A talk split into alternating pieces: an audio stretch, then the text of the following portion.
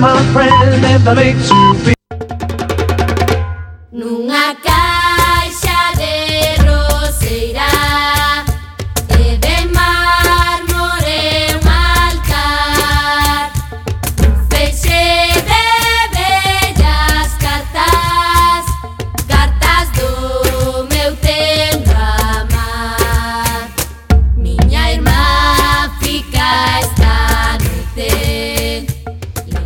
Ola, que tal, amigos recendeiros? Benvidas e benvidos a este espacio radiofónico semanal adicado á cultura que facemos en riguroso directo todos os martes ás 7 da tarde aquí en Coac FM no 103.4 a Radio Comunitaria da Coruña.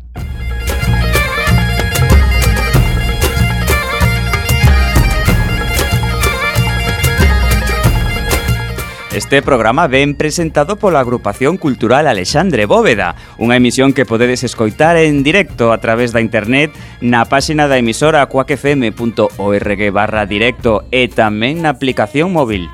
E se non chegastes a tempo, non tes excusa, compañeira. Podes descargar todos os programas xa emitidos en Radioco, o mega podcast da nosa emisora, ou tamén podedes escoitalo na redifusión, que será os mércores ás 8 da mañá, os venres ás 13 horas e na madrugada do domingo ao luns ás 12 da noite. Por suposto que nos podedes seguir nas redes sociais, tanto deste programa Recendo como da propia agrupación cultural Alexandre Bóveda, que teñen abertos os seus canais en Twitter e Facebook, ou na web www.acalexandrebóveda.gal. Sempre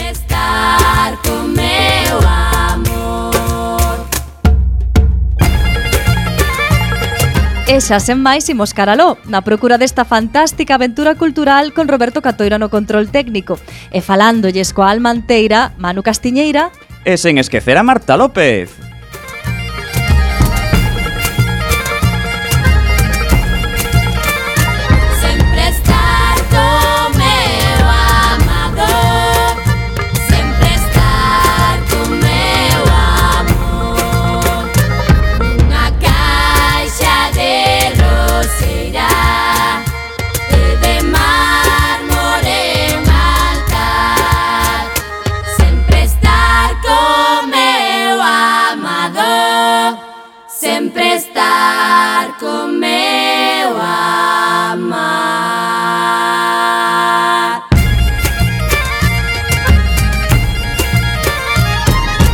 Hoxe chegamos ao noso programa número 302. O programa de hoxe é un especial telefónico sobre webseries galegas, no que entrevistaremos a Jorge Boquete de Porco Bravú e a Enrique Lojo.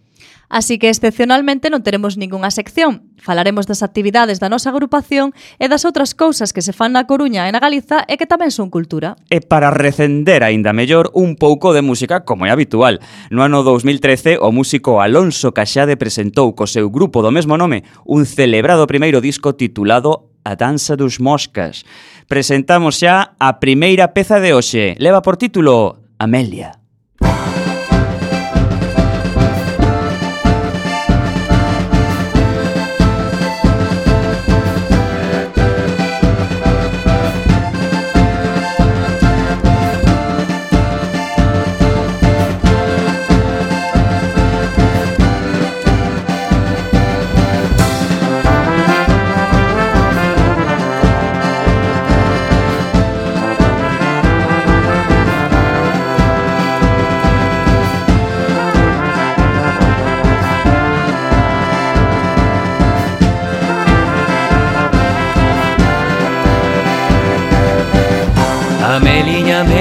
sexas carota Amelia, Amelia, non sexas carota Ven e dame un beixo desa tua boca. Ven e dame un beixo desa tua boca. Esta miña boca non cho podo dar. Esta miña boca non cho podo dar.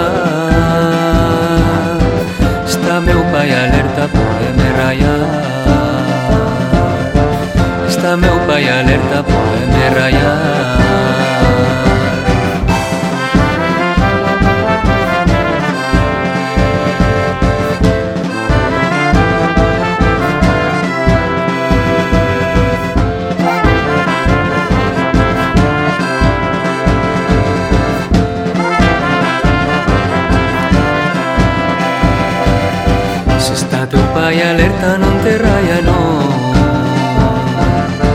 Está teu pai alerta, non te raia, non Ameliña, Amelia, meu corazón. Ameliña, Amelia, meu corazón. O meu corazón é como a pedra dura. O meu corazón é como a pedra dura. Fai como a laranja quando está madura vai como a laranxa quando está madura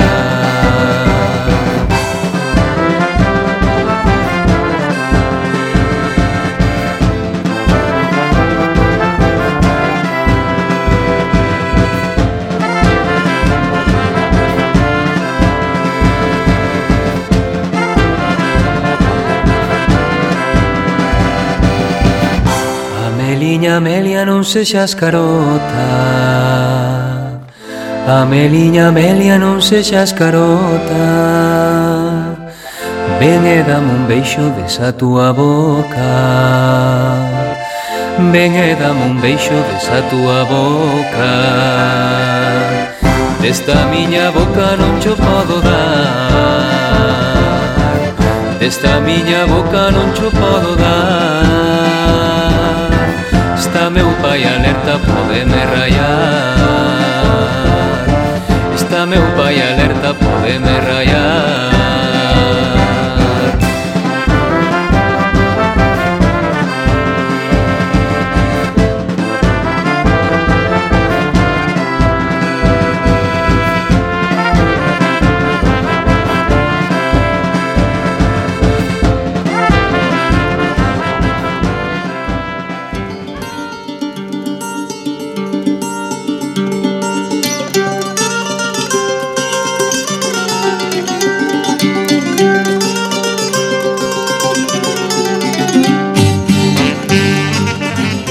tempo das axendas culturais empezamos, como sempre, cada nosa asociación Alexandre Bóveda.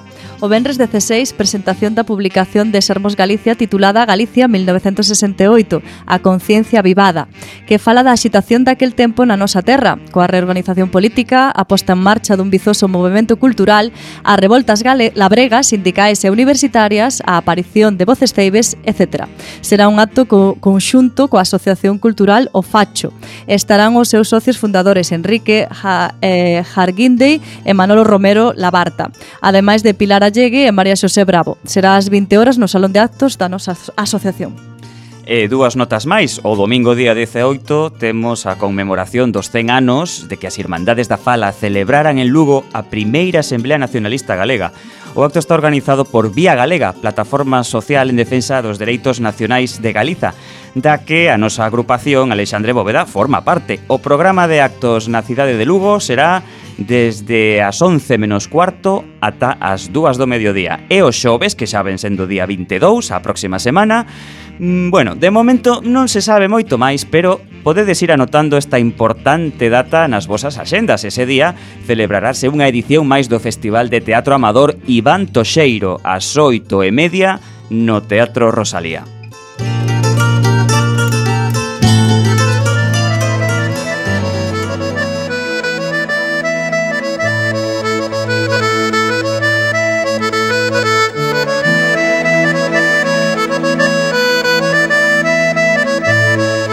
E a quenda da Xenda da Coruña empezamos polo audiovisual. Un dos ciclos de cine do Foro Metropolitano ofrece a proxección de O Zoo de Cristal, dirixida por Paul Newman en 1987 e baseada nunha obra de teatro de Tennessee Williams, de xoves a sábado nos horarios habituais pasamos a falar un pouco de artes escénicas, porque no ciclo principal esta semana é a quenda de Rojo, unha obra de teatro baseada na vida do pintor Mark Rothko, un dos máximos representantes do expresionismo abstracto. Está dirixida por Gerardo Vera e protagonizada por Juan Echanove e Ricardo Gómez.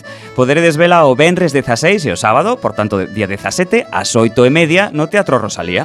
Prosegue o Festival de Teatro Balacar, organizado polo Grupo de Teatro da 11.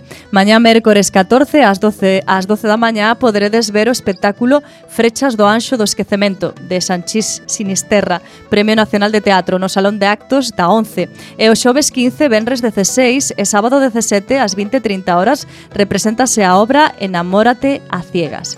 E agora falamos un pouco de música, porque esta semana veremos na nosa cidade dúas das propostas musicais máis relevantes do presente.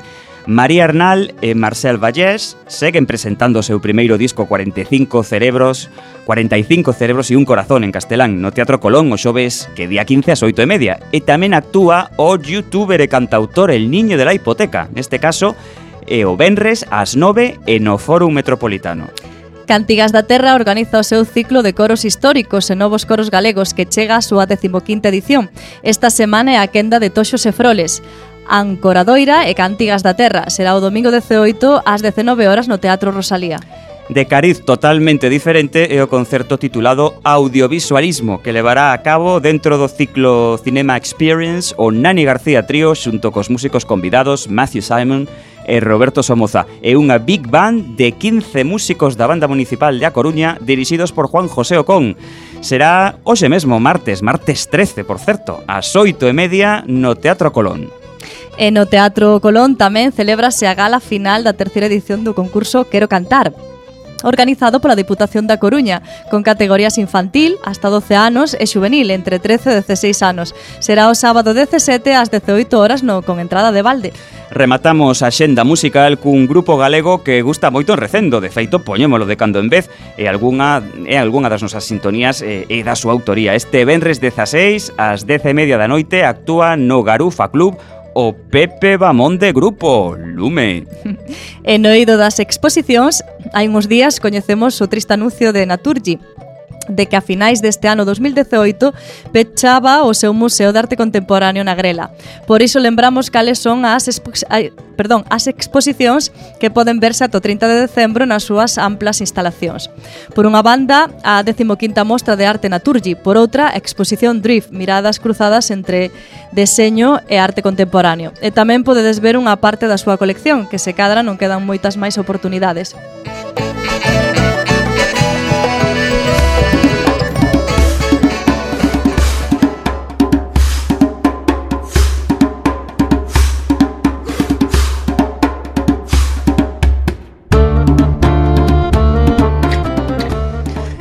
con todo isto que xa vos temos contado, pois podedes estar ben ocupados e ocupadas, pero se nos escoitades desde outro lugar que non sexa Coruña ou se queredes ir por Galiza adiante, chega Ahora, a quenda da nosa axenda na que cubrimos gran parte do territorio galego e comezamos por Lugo.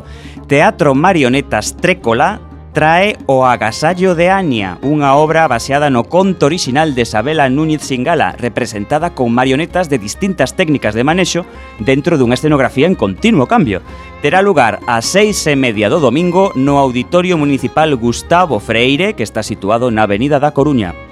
E pegamos un chimpo a Ourense. In Between presenta a cuestión da definición binaria de xénero no corpo de quen baila. Quer abrir unha reflexión sobre a importancia que hoxe en día define os roles de home e da muller na nosa sociedade, da necesidade de tratar un xénero non definido para poder comezar un diálogo sobre a igualdade.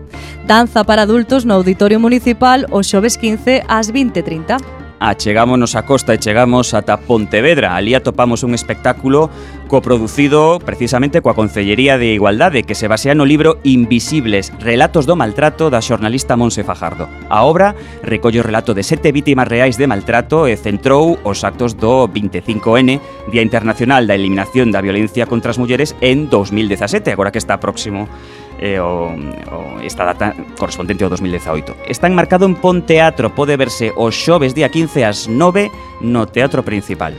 E subimos a Santiago, Sons of Aguirre en Estila é a fusión da banda de rap de crítica política Sons of Aguirre, coa banda de metal melódico Estila. Acompaña a Sons of Aguirre en Estila o grupo Ex Presidents, presentan o seu traballo Azul Rojo na Sala Malatesta o sábado 17 na Rúa de San Lorenzo. As portas ábrense ás 22 horas. Baixamos ata Vigo e ali atopamos o grupo Le Luthier en pleno festexo dos seus 50 anos de carreira que estrean en Galicia o seu novo espectáculo Bellos Hazme Reír es unha antoloxía e que inclúe algunhas das súas obras míticas, o mellor de espectáculos memorables dunha forma renovada para formar parte dunha absurda transmisión de radio a lembrada de sopilante Radio Faladoiro a nosa opinión e a Tulia. Pasan pola Vila Olívica para tres sesións, Benres e sábado ás 9 da noite e domingo ás 7 da tarde no Auditorio Pazo de Congresos Mar de Vigo. E imos a Ferrol, Búho Teatro é unha compañía que vende Andalucía para representar Púa. Púa é unha rá moi intelixente que non teme a vida, É sempre esa airosa e todo a todo o que lle acontece. A intelixencia e a unidade poden vencer a todo o que se nos presenta, por moi grande que isto sexa. Así o podedes comprobar no Teatro Cívico da Caranza o sábado 17 ás 18 horas. E para rematar tanto a Xenda de Galiza como todas as axendas polo día de hoxe, convidamos a Xermade. Xa comezou a sexta invernada de cine en Ochao, Cabreiros, da man do cine, do teatro, dos documentais, dos contos, podemos compartir experiencias e aprendizaxes nas longas tardes de outono e inverno, debullar entre todos as alternativas que o audiovisual nos ofrece. Este sábado, día 17, a 6 da tarde, é a quenda do documental Pedrón do Freixo, no cal un home da parroquia duns 80 anos relata a súa vida chea de duras experiencias onde o traballo arreo, a ausencia de familia e a integración na comunidade son un reflexo do acontecido na súa terra.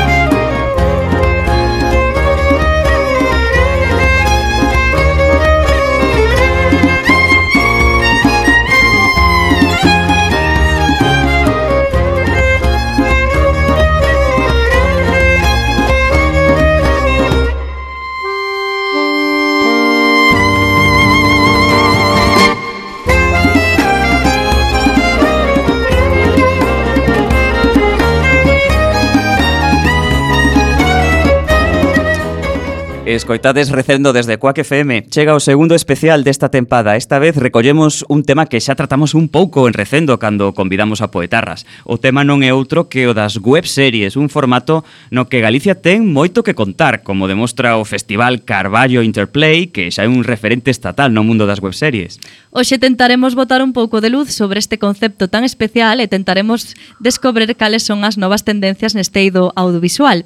Hoxe, como sempre, en recendo rodeámonos da mellor xente, temos connosco a Jorge Boquete, da produtora por Cobrabú, gañadora do, pro, do Carballo Interplay eh, de dous premios Mestre Mateo. Tamén falaremos co guionista Enrique Lojo, un rapaz guapo e simpático e que ademais ten un talento que non lle cabe no corpo. Xa sabedes, cinco e acción. Acción, imos con acción, por tanto. Eh, o noso primeiro convidado de hoxe está moi vencellado a Porco Bravú, de feito, ele era un dos protagonistas da serie El Método Sueco.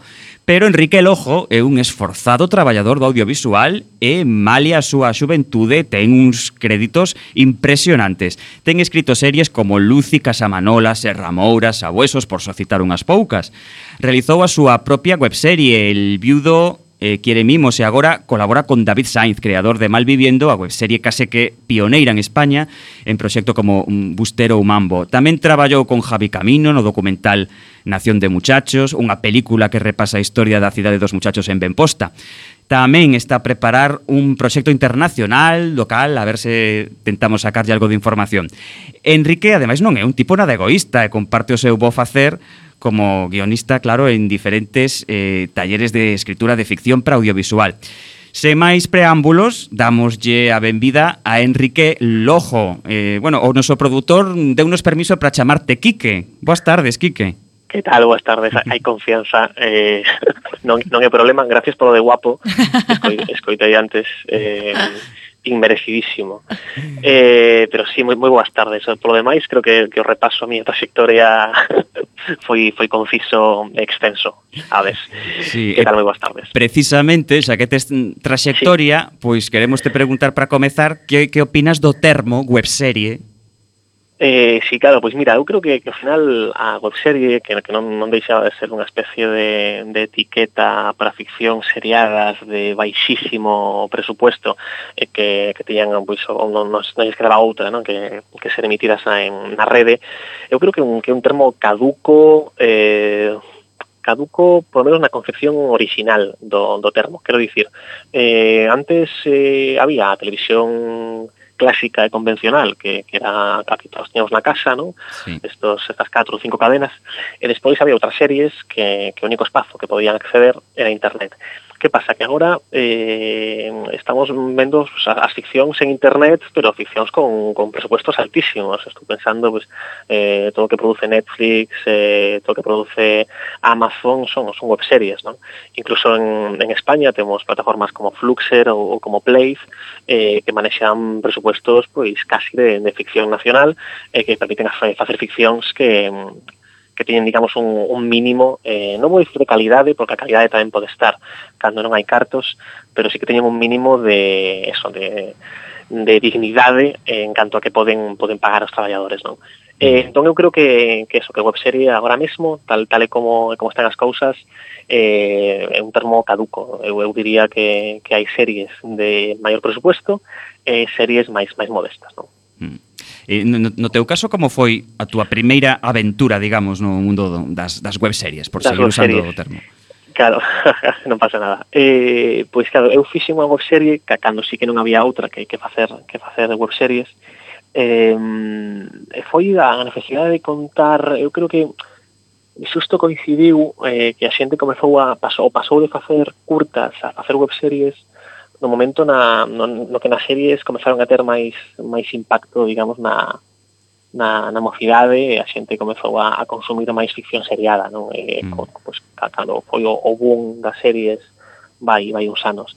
Eh, entón, claro, un, un rapaz que sae, da, sae do máster, un, vine a facer un máster, e, e, comecei con Javi Camino e con Fran Carvallal facendo el vídeo que mimos, eh, claro, tiñamos eses referentes, non? Nos, pois, queremos contar cousas, queremos contar cousas eh, nun formato que temos de referencia, porque é o formato que consumimos tamén, non? E, e comezamos así, o sea, comezamos facendo, facendo web series por iso, porque, porque a pulsión era de contar unha ficción seriada, eh, e a maneira que tiñamos de poder de poder mostrarlle eh, o noso contido a xente pois era, era a través de internet, non? Eh, e foi, basicamente foi, foi iso a, a razón. Mm lle podemos, mm, despois do que nos explicaches hai un momento, mm, de todas formas, asociar unha, unha personalidade unha personalidade unha entidade propia eh, a webserie? Ou, ou ti quizáis pensas pois, que agora xa é simplemente un, un, un modo, unha vía de expresión diferente que un produto audiovisual como... como eh, a ver, eh, eh, é certo que, que o, o termo está agora non é unha cousa mm, eh, homoxénea, non? pero pero sí que é certo que aínda aínda a webserie vinculada a Eh, eh, podemos decir o portal máis vinculada a YouTube aínda ten unhas, unhas características que sí que, que a definen bastante ben non? Eh, eu creo que eso, o, o que dicía antes hai unha, unha forma un pouco máis híbrida onde a xente consume eh, formatos por internet pero que teñen todavía, digamos, características eh, dunha peza televisiva o sea, estamos falando, por exemplo, de House of Cards. House of Cards, sí, podría ser unha webserie pero evidentemente, pois, por formato mm. remite máis a ficción televisiva pero si que nos a falar de pezas máis curtas, eh, sí. pues, sendo tamén de ficción seriada, eh, sí que temos eso, pois temos unha, unha webserie que sería algo tipo pois, máis, máis, máis vencellada, por exemplo, a, ao xénero de comedia, eh, polo xeral, as webseries eh, son, son, adoitan ser cómicas, non porque tamén é certo que, que polo tipo de consumo que máis breve a comedia pois parece que, que entra mellor eh, e sobre todo iso o, o que dicía antes eh, son, son pezas máis máis pequenas non? hai excepcións, por exemplo Malviviendo tiña capítulos que duraban unha, unha hora non? pero o resto de series incluso que tiveron máis máis fama cando, cando comezou así en Galicia o boom, pois estou pensando en, en Entre Pipas, en, en que Roberta e demais, eh, eran pezas tamén máis ou menos curtas, non? en torno 7, 10, 15, como moito 20 minutos. Non? Eh, Quique, como nace el viudo Quiere Mimos? Eh, pois mira, como te dicía antes, era por, por a necesidade mm. de contar de contar algo en ficción seriada, por a necesidade de, de, de facer algo que fose, que fose noso, non? Eh, ademais tenemos moi claro que, que ao final neste tipo de traballos, pois tanto ten o que teñas estudado ou ou a cantos cantos másters eh, fixeras, non? O rento importante é facer cousas e que esas cousas pois cheguen a xente. Eh, e tamén foi eso, foi un pouco a necesidade de, de facer algo e poder mostrarlo a, a xente do sector, a compañeiros e demais. Eh, e despois tamén eu creo que, que foi fruto dun, dun, dun desamor. Eh, ás veces, ás veces isto tamén, tamén sucede, non? Que estás aí, estás aí na casa aí fastidiado, eh, e tes, tes como esa, esa pulsión por, por contar, eh, en este caso sí que claro, era, era unha comedia unha comedia oscura, non? Eh, e, e, e máis, eh, tamén tiñamos que había, había como referentes, non? Tiñamos referentes de comedia, de xente que, que nos gustaba moito, pois Louis, eh, Larry David, e mm, eh, supoño que pues eso, que, que, as, que as, as ganas por, por contar algo semellante a ese tipo de historias foron un pouco o motor de, de arrancar con el viudo. No 2013 xa, xa, xa chove. Uh -huh.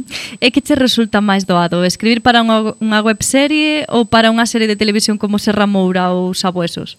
Ah, pois mira, agora son... pasan dúas cousas. Claro, hai moita xente di que en internet tens liberdade. É certo, o sea, se si faz unha webserie, podes contar o que te, o que te pete. Que pasa? Que a liberdade está guai cando tes cartos. Quero dicir que ti podes ser libre para contar o que ti queiras, pero se non tes cartos non podes producilo.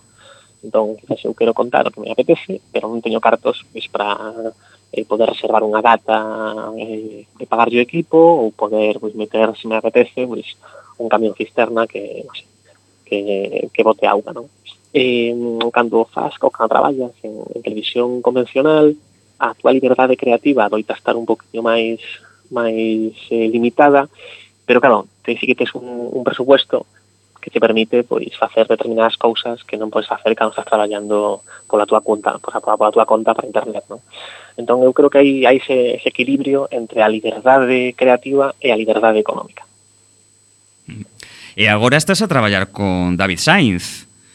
Eh, entón, sí, queremos sí, que nos contes un, un pouco. Oh, eh, houbo, houbo sí, química instantaneamente con David? Eh, foi a eh, química... Eh, David se maixeu... Eh, que cando foi? Foi, pois, pues, mira, no 2014, a primeira edición do Carballo Interplay, David se matara con Malviviendo, estaban facendo a, a xira de despedida, e David eh, en aquel momento estivo estuvo nunhas proxeccións del vídeo que vimos, gustoulle moito o tono da, da serie, e David eh, tiñan, en mente facer, despois de Malviviendo, unha serie con, eso, con as características similares non a, al viudo. E, e chamoume, chamoume, e fixemos xuntos Entertainment, eh, temporada 1 e temporada, e temporada 2, e despois traballamos xuntos en Mambo, eh, en, na, na temporada 1 de Mambo. Eh, despois estamos traballando pues, en, en, esos desenvolvementos de guións, eh, traballando nunha película para Warner, que estamos aí a ver que pasa, E agora o último que temos é un, unha, unha serie que estamos tamén eh, facendo o desenvolvemento dunha serie eh, para Movistar, que é unha, unha comedia que tamén estas cousas eh, pois son como son, as veces saben, as veces non, eh, estamos aí traballando a ver se, a ver se vai, vai para diante. Bueno, desexamos que sí, que vaya para diante. Por sí, supuesto. hombre, sí, sí, pero bueno, hai, hai que ser escéptico sempre e eh, non, non facer o, o conto o conto da leche. Eh, e como foi este último Carballo Interplay? Contanos. Eh, pois o último Carballo, o Carballo Replay fixo unha cousa moi chula, porque antes como comezou como un festival de webseries, eh, despois eh, ampliouse, digamos, en concepto a, a contidos digitais, non? Eh, non, non, non quixeron reducir eh, o, o tema das webseries e ao final pois eran eran realmente moito máis, moito máis, moito máis aberto, non? Eu por por desgraza non non pude estar moito tempo nesta última edición do Interplay, pero sí que estiven eh, colaborando cunha cousa moi chula que, que se chamou eh, eh Taller Kamikaze, Obradoiro Kamikaze, basicamente era un obradoiro, estivemos tres días ali no, na, na praia de Razo, eh, grabando en, en tres días, teníamos que gravar unha, unha webserie, eh, todo o proceso, dende a concepción da idea, o rodaxe ata, ata a montaxe final. Non? Eh, comezamos, creo que foi un luns e un mércores pola noite estábamos eh, proxectando a, as pezas no, no auditorio de María de Carballo. Eh, eu creo que é un festival que comezou pouquinho a pouco, pero cada ano, cada ano se supera, cada ano hai cousas novas, eh, sobre todo traen apostas moi moi distintas.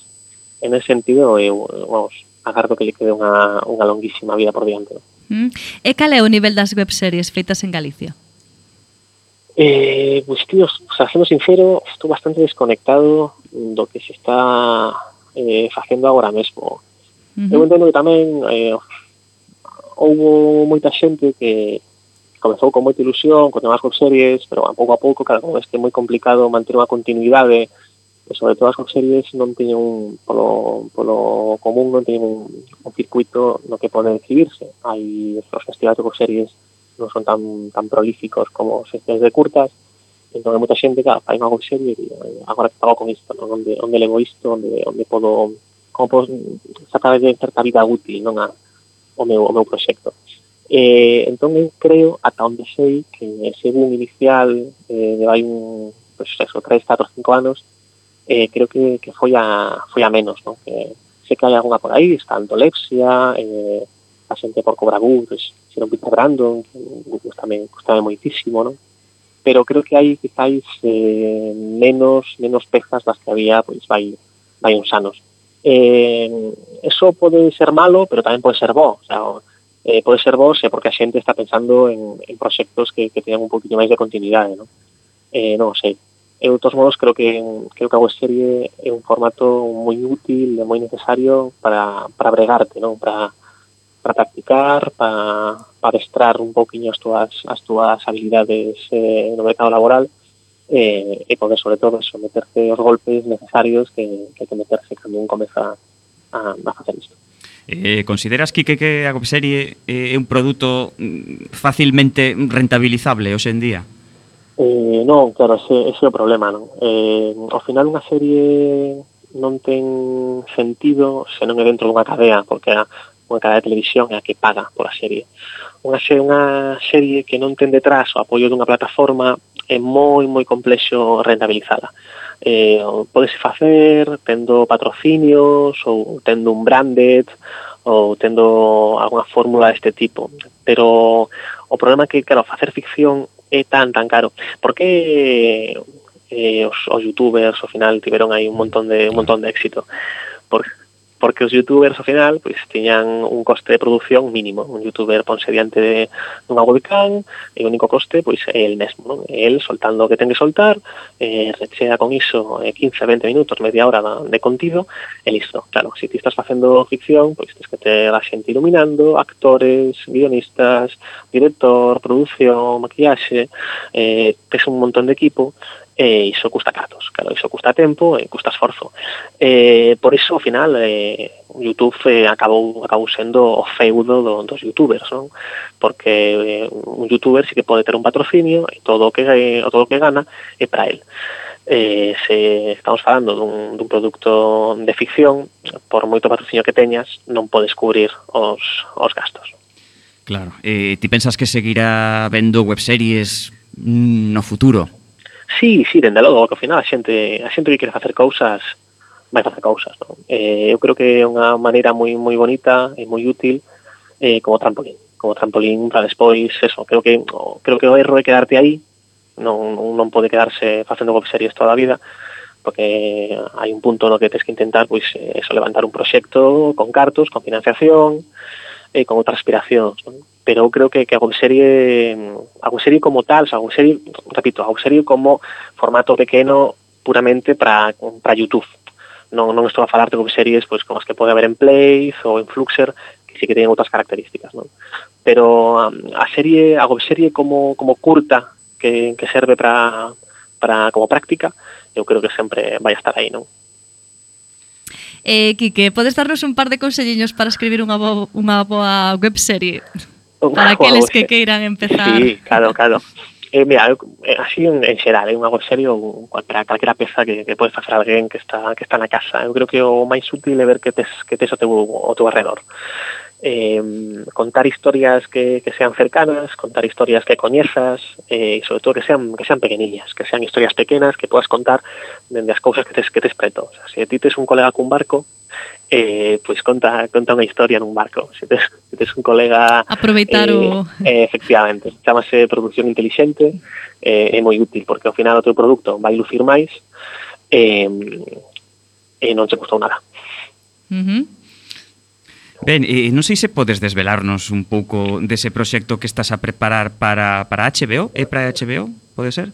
Ah, eu sí, estive, bueno, estive traballando de guionista nun proxecto eh, para HBO e Forta, eh, en unha produción entre HBO e Forta, que creo que vais, vais emitir, aí non, non sabemos, pero supoño que para ano que ven, chamase La Sala, é eh, un thriller eh, policíaco, son oito capítulos, e eh, xiran en torno a, a un, a un inspector eh, que ten, digamos, un talento especial cos interrogatorios. Eh, creo que non podo contar moito máis.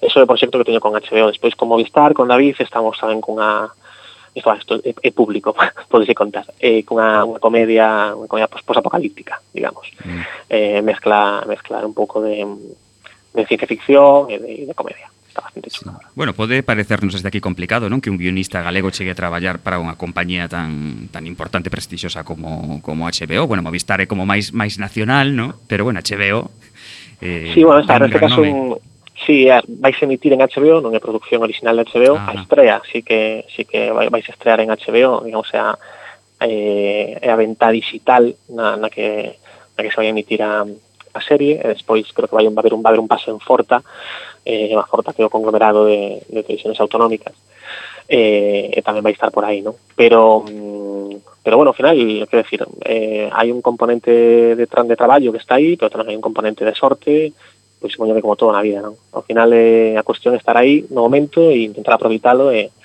e pouco máis, non? Moi ben, pois Quique Lojo, guionista, artista, guapo e simpático, e agradecemos te moito que falaras connosco esta Nada, tarde eh, eh, máis. e eh, podo dicir agora, que... Agora vai, vai entrar Jorge, non? Vai entrar o boquete. Sí, sí, sí, sí. Ah, venga agora mesmo. Da, da, dale unha aperta enorme da miña parte. Muy Daremos... Eh, e ser malos con el, por favor. é moita sorte para ti. Moitas gracias. Exactamente, graciñas por ensinarnos todo isto. Ata outra. Eh, ah, a vos, moi boa tarde, ata loguiño, chao, chao. E nos imos ca nosa pausa musical que imos a escoitar Folium da Rebelión de Caxade.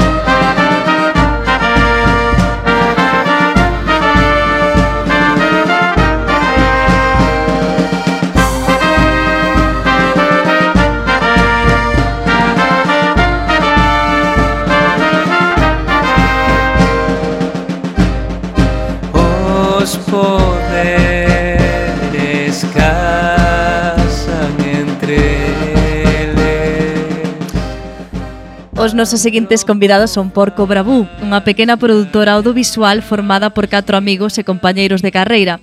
O seu primeiro paso foi conversas con Cunqueiro, un proxecto universitario que prendeu neles o desexo de facer máis webseries. Logo virían Porca Miseria, un magazín cultural que homenaxeaba ao mítico Clube Xabarín, Para el contaba coa colaboración de Poetarras, perdón, quen tamén foron convidados de Recendo. Logo chegaría a comedia O Método Sueco, co que gañarían o Carballo Interplay e dúas edicións de Mestre Mateo, aí é nada. O seu último proxecto é Peter Brandon, outra comedia protagonizada por un cómico que está a pasar por unha mala racha profesional. Neste caso colaboran con Pedro Brandariz, que estivo connosco hai pouco menos dun mes. Con Peter Brandon tamén foron capaces de acadar o premio ao mellor proxecto de web, webserie no Carballo Interplay, o certame de webseries da Vila de Bergantiños, eh, por Cobrabú non só vive de webseries, tamén produciron a carta a curta, perdón, El comediante.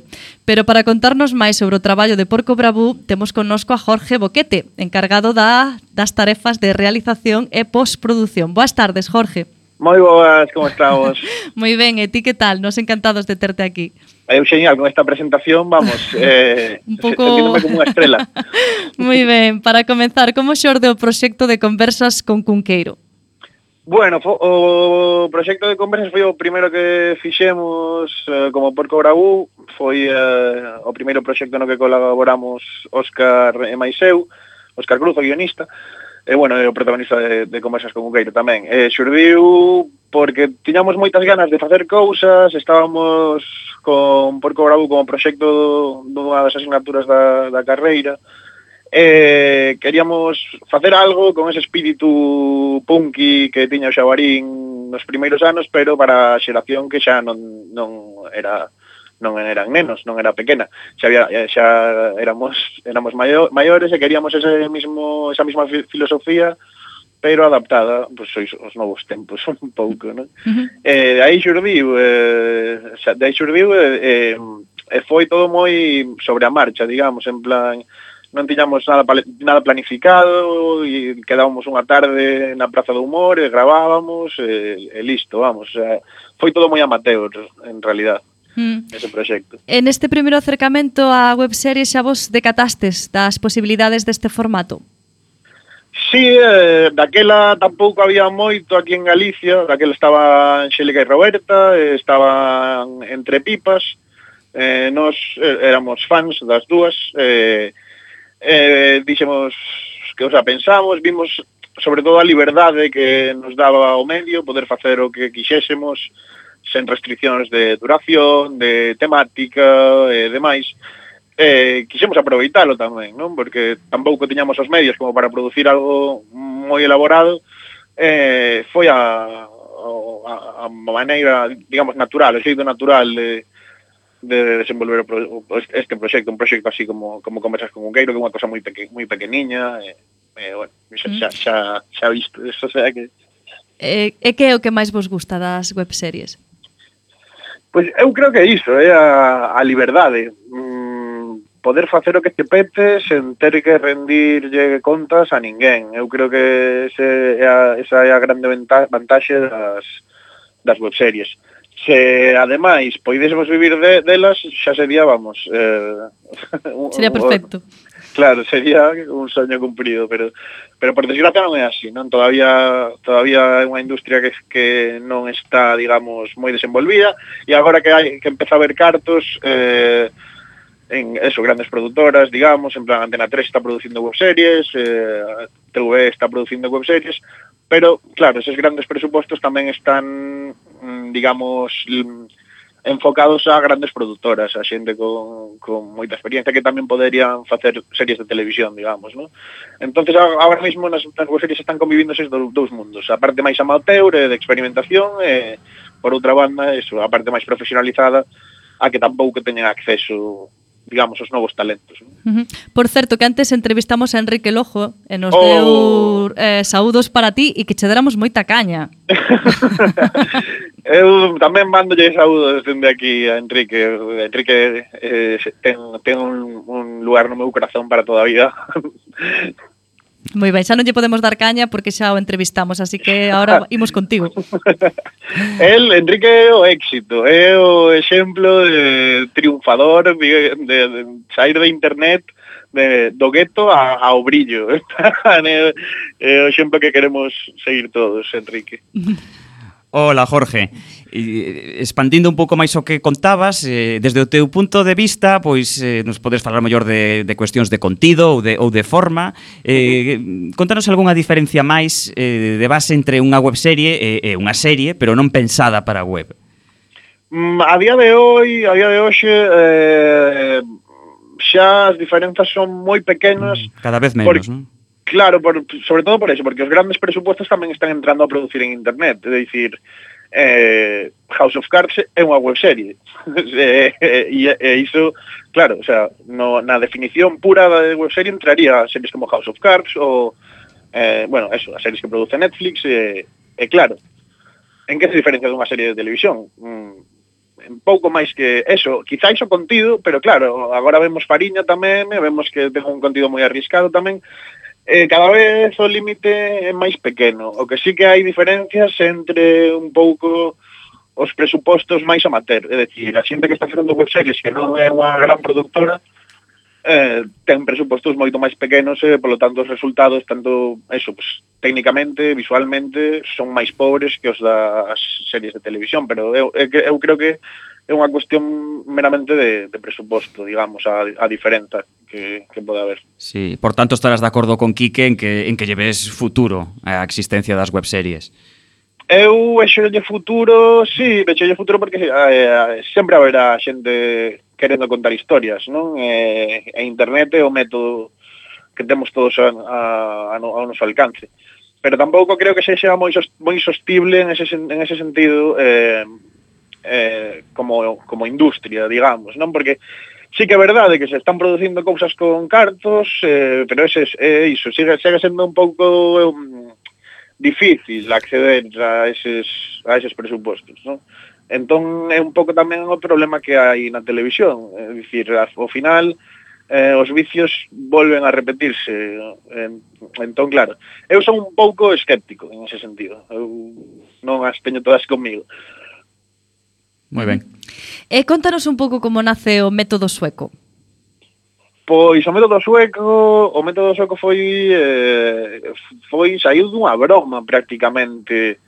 Eh, queríamos facer algo estilo eh, un Black Mirror da comedia, non? Esa foi a idea, a idea principal. Estábamos vendo unha serie que se, se chama Inside Number 9, unha serie británica, que tiña unha metodoloxía similar a que utilizamos nós no método sueco, pero bueno, eh, na serie esa eh, cambiaba todo. En cada capítulo eran personaxes novos, situacións novas, o único que, que era común a todos os capítulos era que todos se, se desenvolvían no número 9 de algunha calle.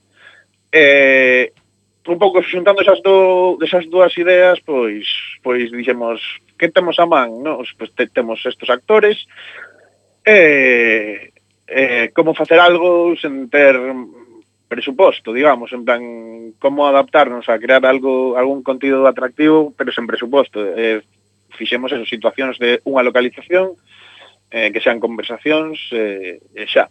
Eh, o nome xurdiu tamén de, dunha broma cun compañeiro de piso de Óscar que daquela eu era como un compañeiro añadido, un parásito máis naquel piso. eh, eh, era un, un colega seu que estudiou en Suecia e eh, dicía que os suecos abordaban todos os problemas cuns brainstormings moi locos eh, se refería a, a iso, a ese método como o método sueco. E en canto dixo foi, foi como hmm, eh, iso soa ben. Porque en realidade non ten nada de sueco a serie, ni, xa, xa. ni nada. Pero sí, dai, dai de aí xurdiu. E de que, de que tiñamos tamén ganas de contar eso, de facer unha comedia máis parecida a que estábamos vendo nese momento tamén. Estábamos vendo Louis, estábamos vendo Wilfred, eh, que, que eh, tiñamos ganas de eso, dun tono un pouco máis pois como como yo, eh, un, un tono máis arriscado, un pouco máis ácido todo, non? E sorprendeu vos eh, a gran acollida que, que tivo? Flipamos, flipamos. flipamos. Eh, sí, eh, de todas formas, fixemos a serie tamén para un pouco intentar chegar máis lonxe do que habíamos chegado con, con conversas, non? Pero o do mestre Mateo foi xa eh, o shock absoluto, porque claro, non, non esperábamos para nada, habendo series que había competindo contra nosotros, eh, vamos, o sea, foi, foi sí que foi unha sorpresa en todos os sentidos, non? E a partir de aí tamén nos axudou moito a hora de difusión e demais, de que se nos empezase a coñecer un pouco máis. E, e chegamos a Peter Brandon, Jorge. Non sei se sen Pedro Brandariz eh, tentaría de sacar adiante este proxecto. Non, de feito, tivemos a oportunidade, eh, non quixemos, é dicir, estivemos presentando o proxecto a productoras e eh, demais, buscando financiamento mentre estábamos co desenvolvemento, Eh, houve unha xente que non vou dicir aquí que propuxenos que sí, que lle gustaba moito o formato, pero que querían cambiar eh, pois, iso, pois iso, querían cambiar a serie un pouco e eh, facela eh, as súas palabras foron que funcionase a nivel nacional, foron as súas palabras. Eh, e claro, querían cambiar a Pedro, cambiar actores e tal, e, eh, negámonos, porque claro, sen Pedro non tería sentido esta serie, queríamos contar como é o mundo da comedia aquí en Galicia, e e como son as cosas aquí, un pouco eso, eh, eu creo que aínda que non sexas aquí eh, podes disfrutar igual da serie e eh, eh, home, eh, a proba é eh, o premio que ganamos en Alicante, bueno, que, que gañou Pedro, o mellor actor en Alicante. Eh, eu creo que que sen, sen Pedro non tería sentido unha serie unha serie así. Sí, eh, segue os, os pasos dun, dun cómico, ¿no? Digamos, en situación complicada esta, esta sí, serie tamén ten unha ten eh, como todo o que facemos eh, ten a influencia do audiovisual que gustanos ver nese mm. momento, non? En este caso estábamos moi influenciados por BoJack Horseman, pola serie esta de Netflix, que conta pois un pouco unha vida parecida que contamos nos, nosotros, eh, sobre todo con un ton moi parecido, é dicir, eh, queríamos unha comedia pero que non fose escachar de risa todo o rato, queríamos unha comedia que fose triste, que empatizases cos protagonistas e que te sentises tamén, sentises pena por eles, non? Eh, eh, era, un, era un pouco ese, ese tipo de, de, de, de series que nos gustaba ver, pois quixemos levala un pouco Un pouco aí con Peter Brandon. Eh, Jorge, como valorades o certames como Carballo Interplay? Buah, a hostia, o sea, Carballo Interplay é o Disneylandia das webseries, como dicimos todos os anos, eh, sen o Carballo Interplay nós non seríamos absolutamente nada, é dicir, eh, a nós axudounos que mogollón a coñecer xente, a ensinar o noso, o noso traballo, o primeiro ano que fomos con conversas con Cunqueiro, coñecimos a moita da xente que despois colaborou con nós no método sueco, eh, cada ano vai crecendo, se vai convertindo nun, nun festival moi moi profesional, con, con moita zona, non dentro da propia industria das webferis, eu creo que o mellor festival que hai en España, al, a lo menos, eh, e no mundo, porque non conozco, pero, pero seguramente tamén sexa o mellor do mundo. Eh, eh, cada ano vai crecendo e nós crecemos con ele. Eh, para nós, eh, a hostia telo aquí al lado da casa. O sea, eh, o mellor do mundo, Carvalho Interplay. Ben, Jorge, temos un minutiño máis, eh, entón eh, estou pensando que haberá xente que se pregunte se se pode vivir das webseries. Eh, cales son non. as vosas vías de, de financiamento? eh, a resposta rotunda é non, non se pode vivir das webseries. as osas vías de financiamento, eh, por exemplo, para esta última, para Peter Brandon, foi o premio de Carvalho Interplay, pero es que a outra mitade da serie pagou unha Pedro do seu peto. É eh, dicir, eh, eh, iso non é un formato, digamos, viable ou ou eso, de futuro, que, es, que a industria funciona así. A única forma, o sea, nós nos finan, financiámonos, o sea, autofinanciámonos coas, sí. cos nosos propios cartos e, e pouco máis, realmente. Algún, algún patrocinio que, eh, que consigamos, pero que en realidade son suelen, suelen ser en especias, digamos, es decir, en botellas de agua ou en catering ou etc. Eh, claro, mm, eu creo que non se pode vivir das series a non ser que iso, que acades un presupuesto grande, como pode ser os de Play, os de TV, que realmente tampouco te permite vivir porque non cobras esa, eses cartos hasta hasta que terminas a produción, é dicir, É moi complicado vivir deso, de feito nós non vivimos desto, nós vivimos facendo outros traballos, temos mm. que facer outros traballos, encantaríanos poder vivir facendo cousellos, claro pero... que sí. bueno, eh. Jorge, quedamos en tempo unha magua, porque sempre, eh, casi sempre quedamos con, con esas ganas de preguntarvos máis cousas, pero damos as grazas por atendernos esta tarde, eh, boita sorte pros proxectos e eh, ata unha próxima ocasión. Veña, veña, queda, queda tomada a palabra. Un placer, veña. Jorge. Unha aperta. gracias a vos. Apertas, chao. E sen tempo para máis odiseas imos chegando a fin do camiño deste recendo. Despedimos ao programa de hoxe agradecendo aos nosos convidados que, como sempre, son de honra. Hoxe tivemos a Jorge Boquete da produtora por Cobra e a Enrique Lojo, guionista e actor e agradecendo a semente pedra angular de todo o noso comando equipo de produción formado hoxe por Javi Pereira, Roberto Catoira e eu mesmo. E aquí estivemos nos controis técnicos o gran Roberto Catoira e coalento do micrófono Marta López. E Manu Castiñeira. Eu tente Acompañándote neste recendo de palabras e de imaxes radiofónicas que nos traen este aroma cantado na nosa lingua e que nos permite hoxe e tamén no futuro a permanencia da palabra, da música e da implicación e o compromiso coa nosa nación, a Galiza. A vindeiro martes a 7 da tarde en directo nesta emisora Coac FM da Coruña. Xa sabedes, recendo as mil primaveras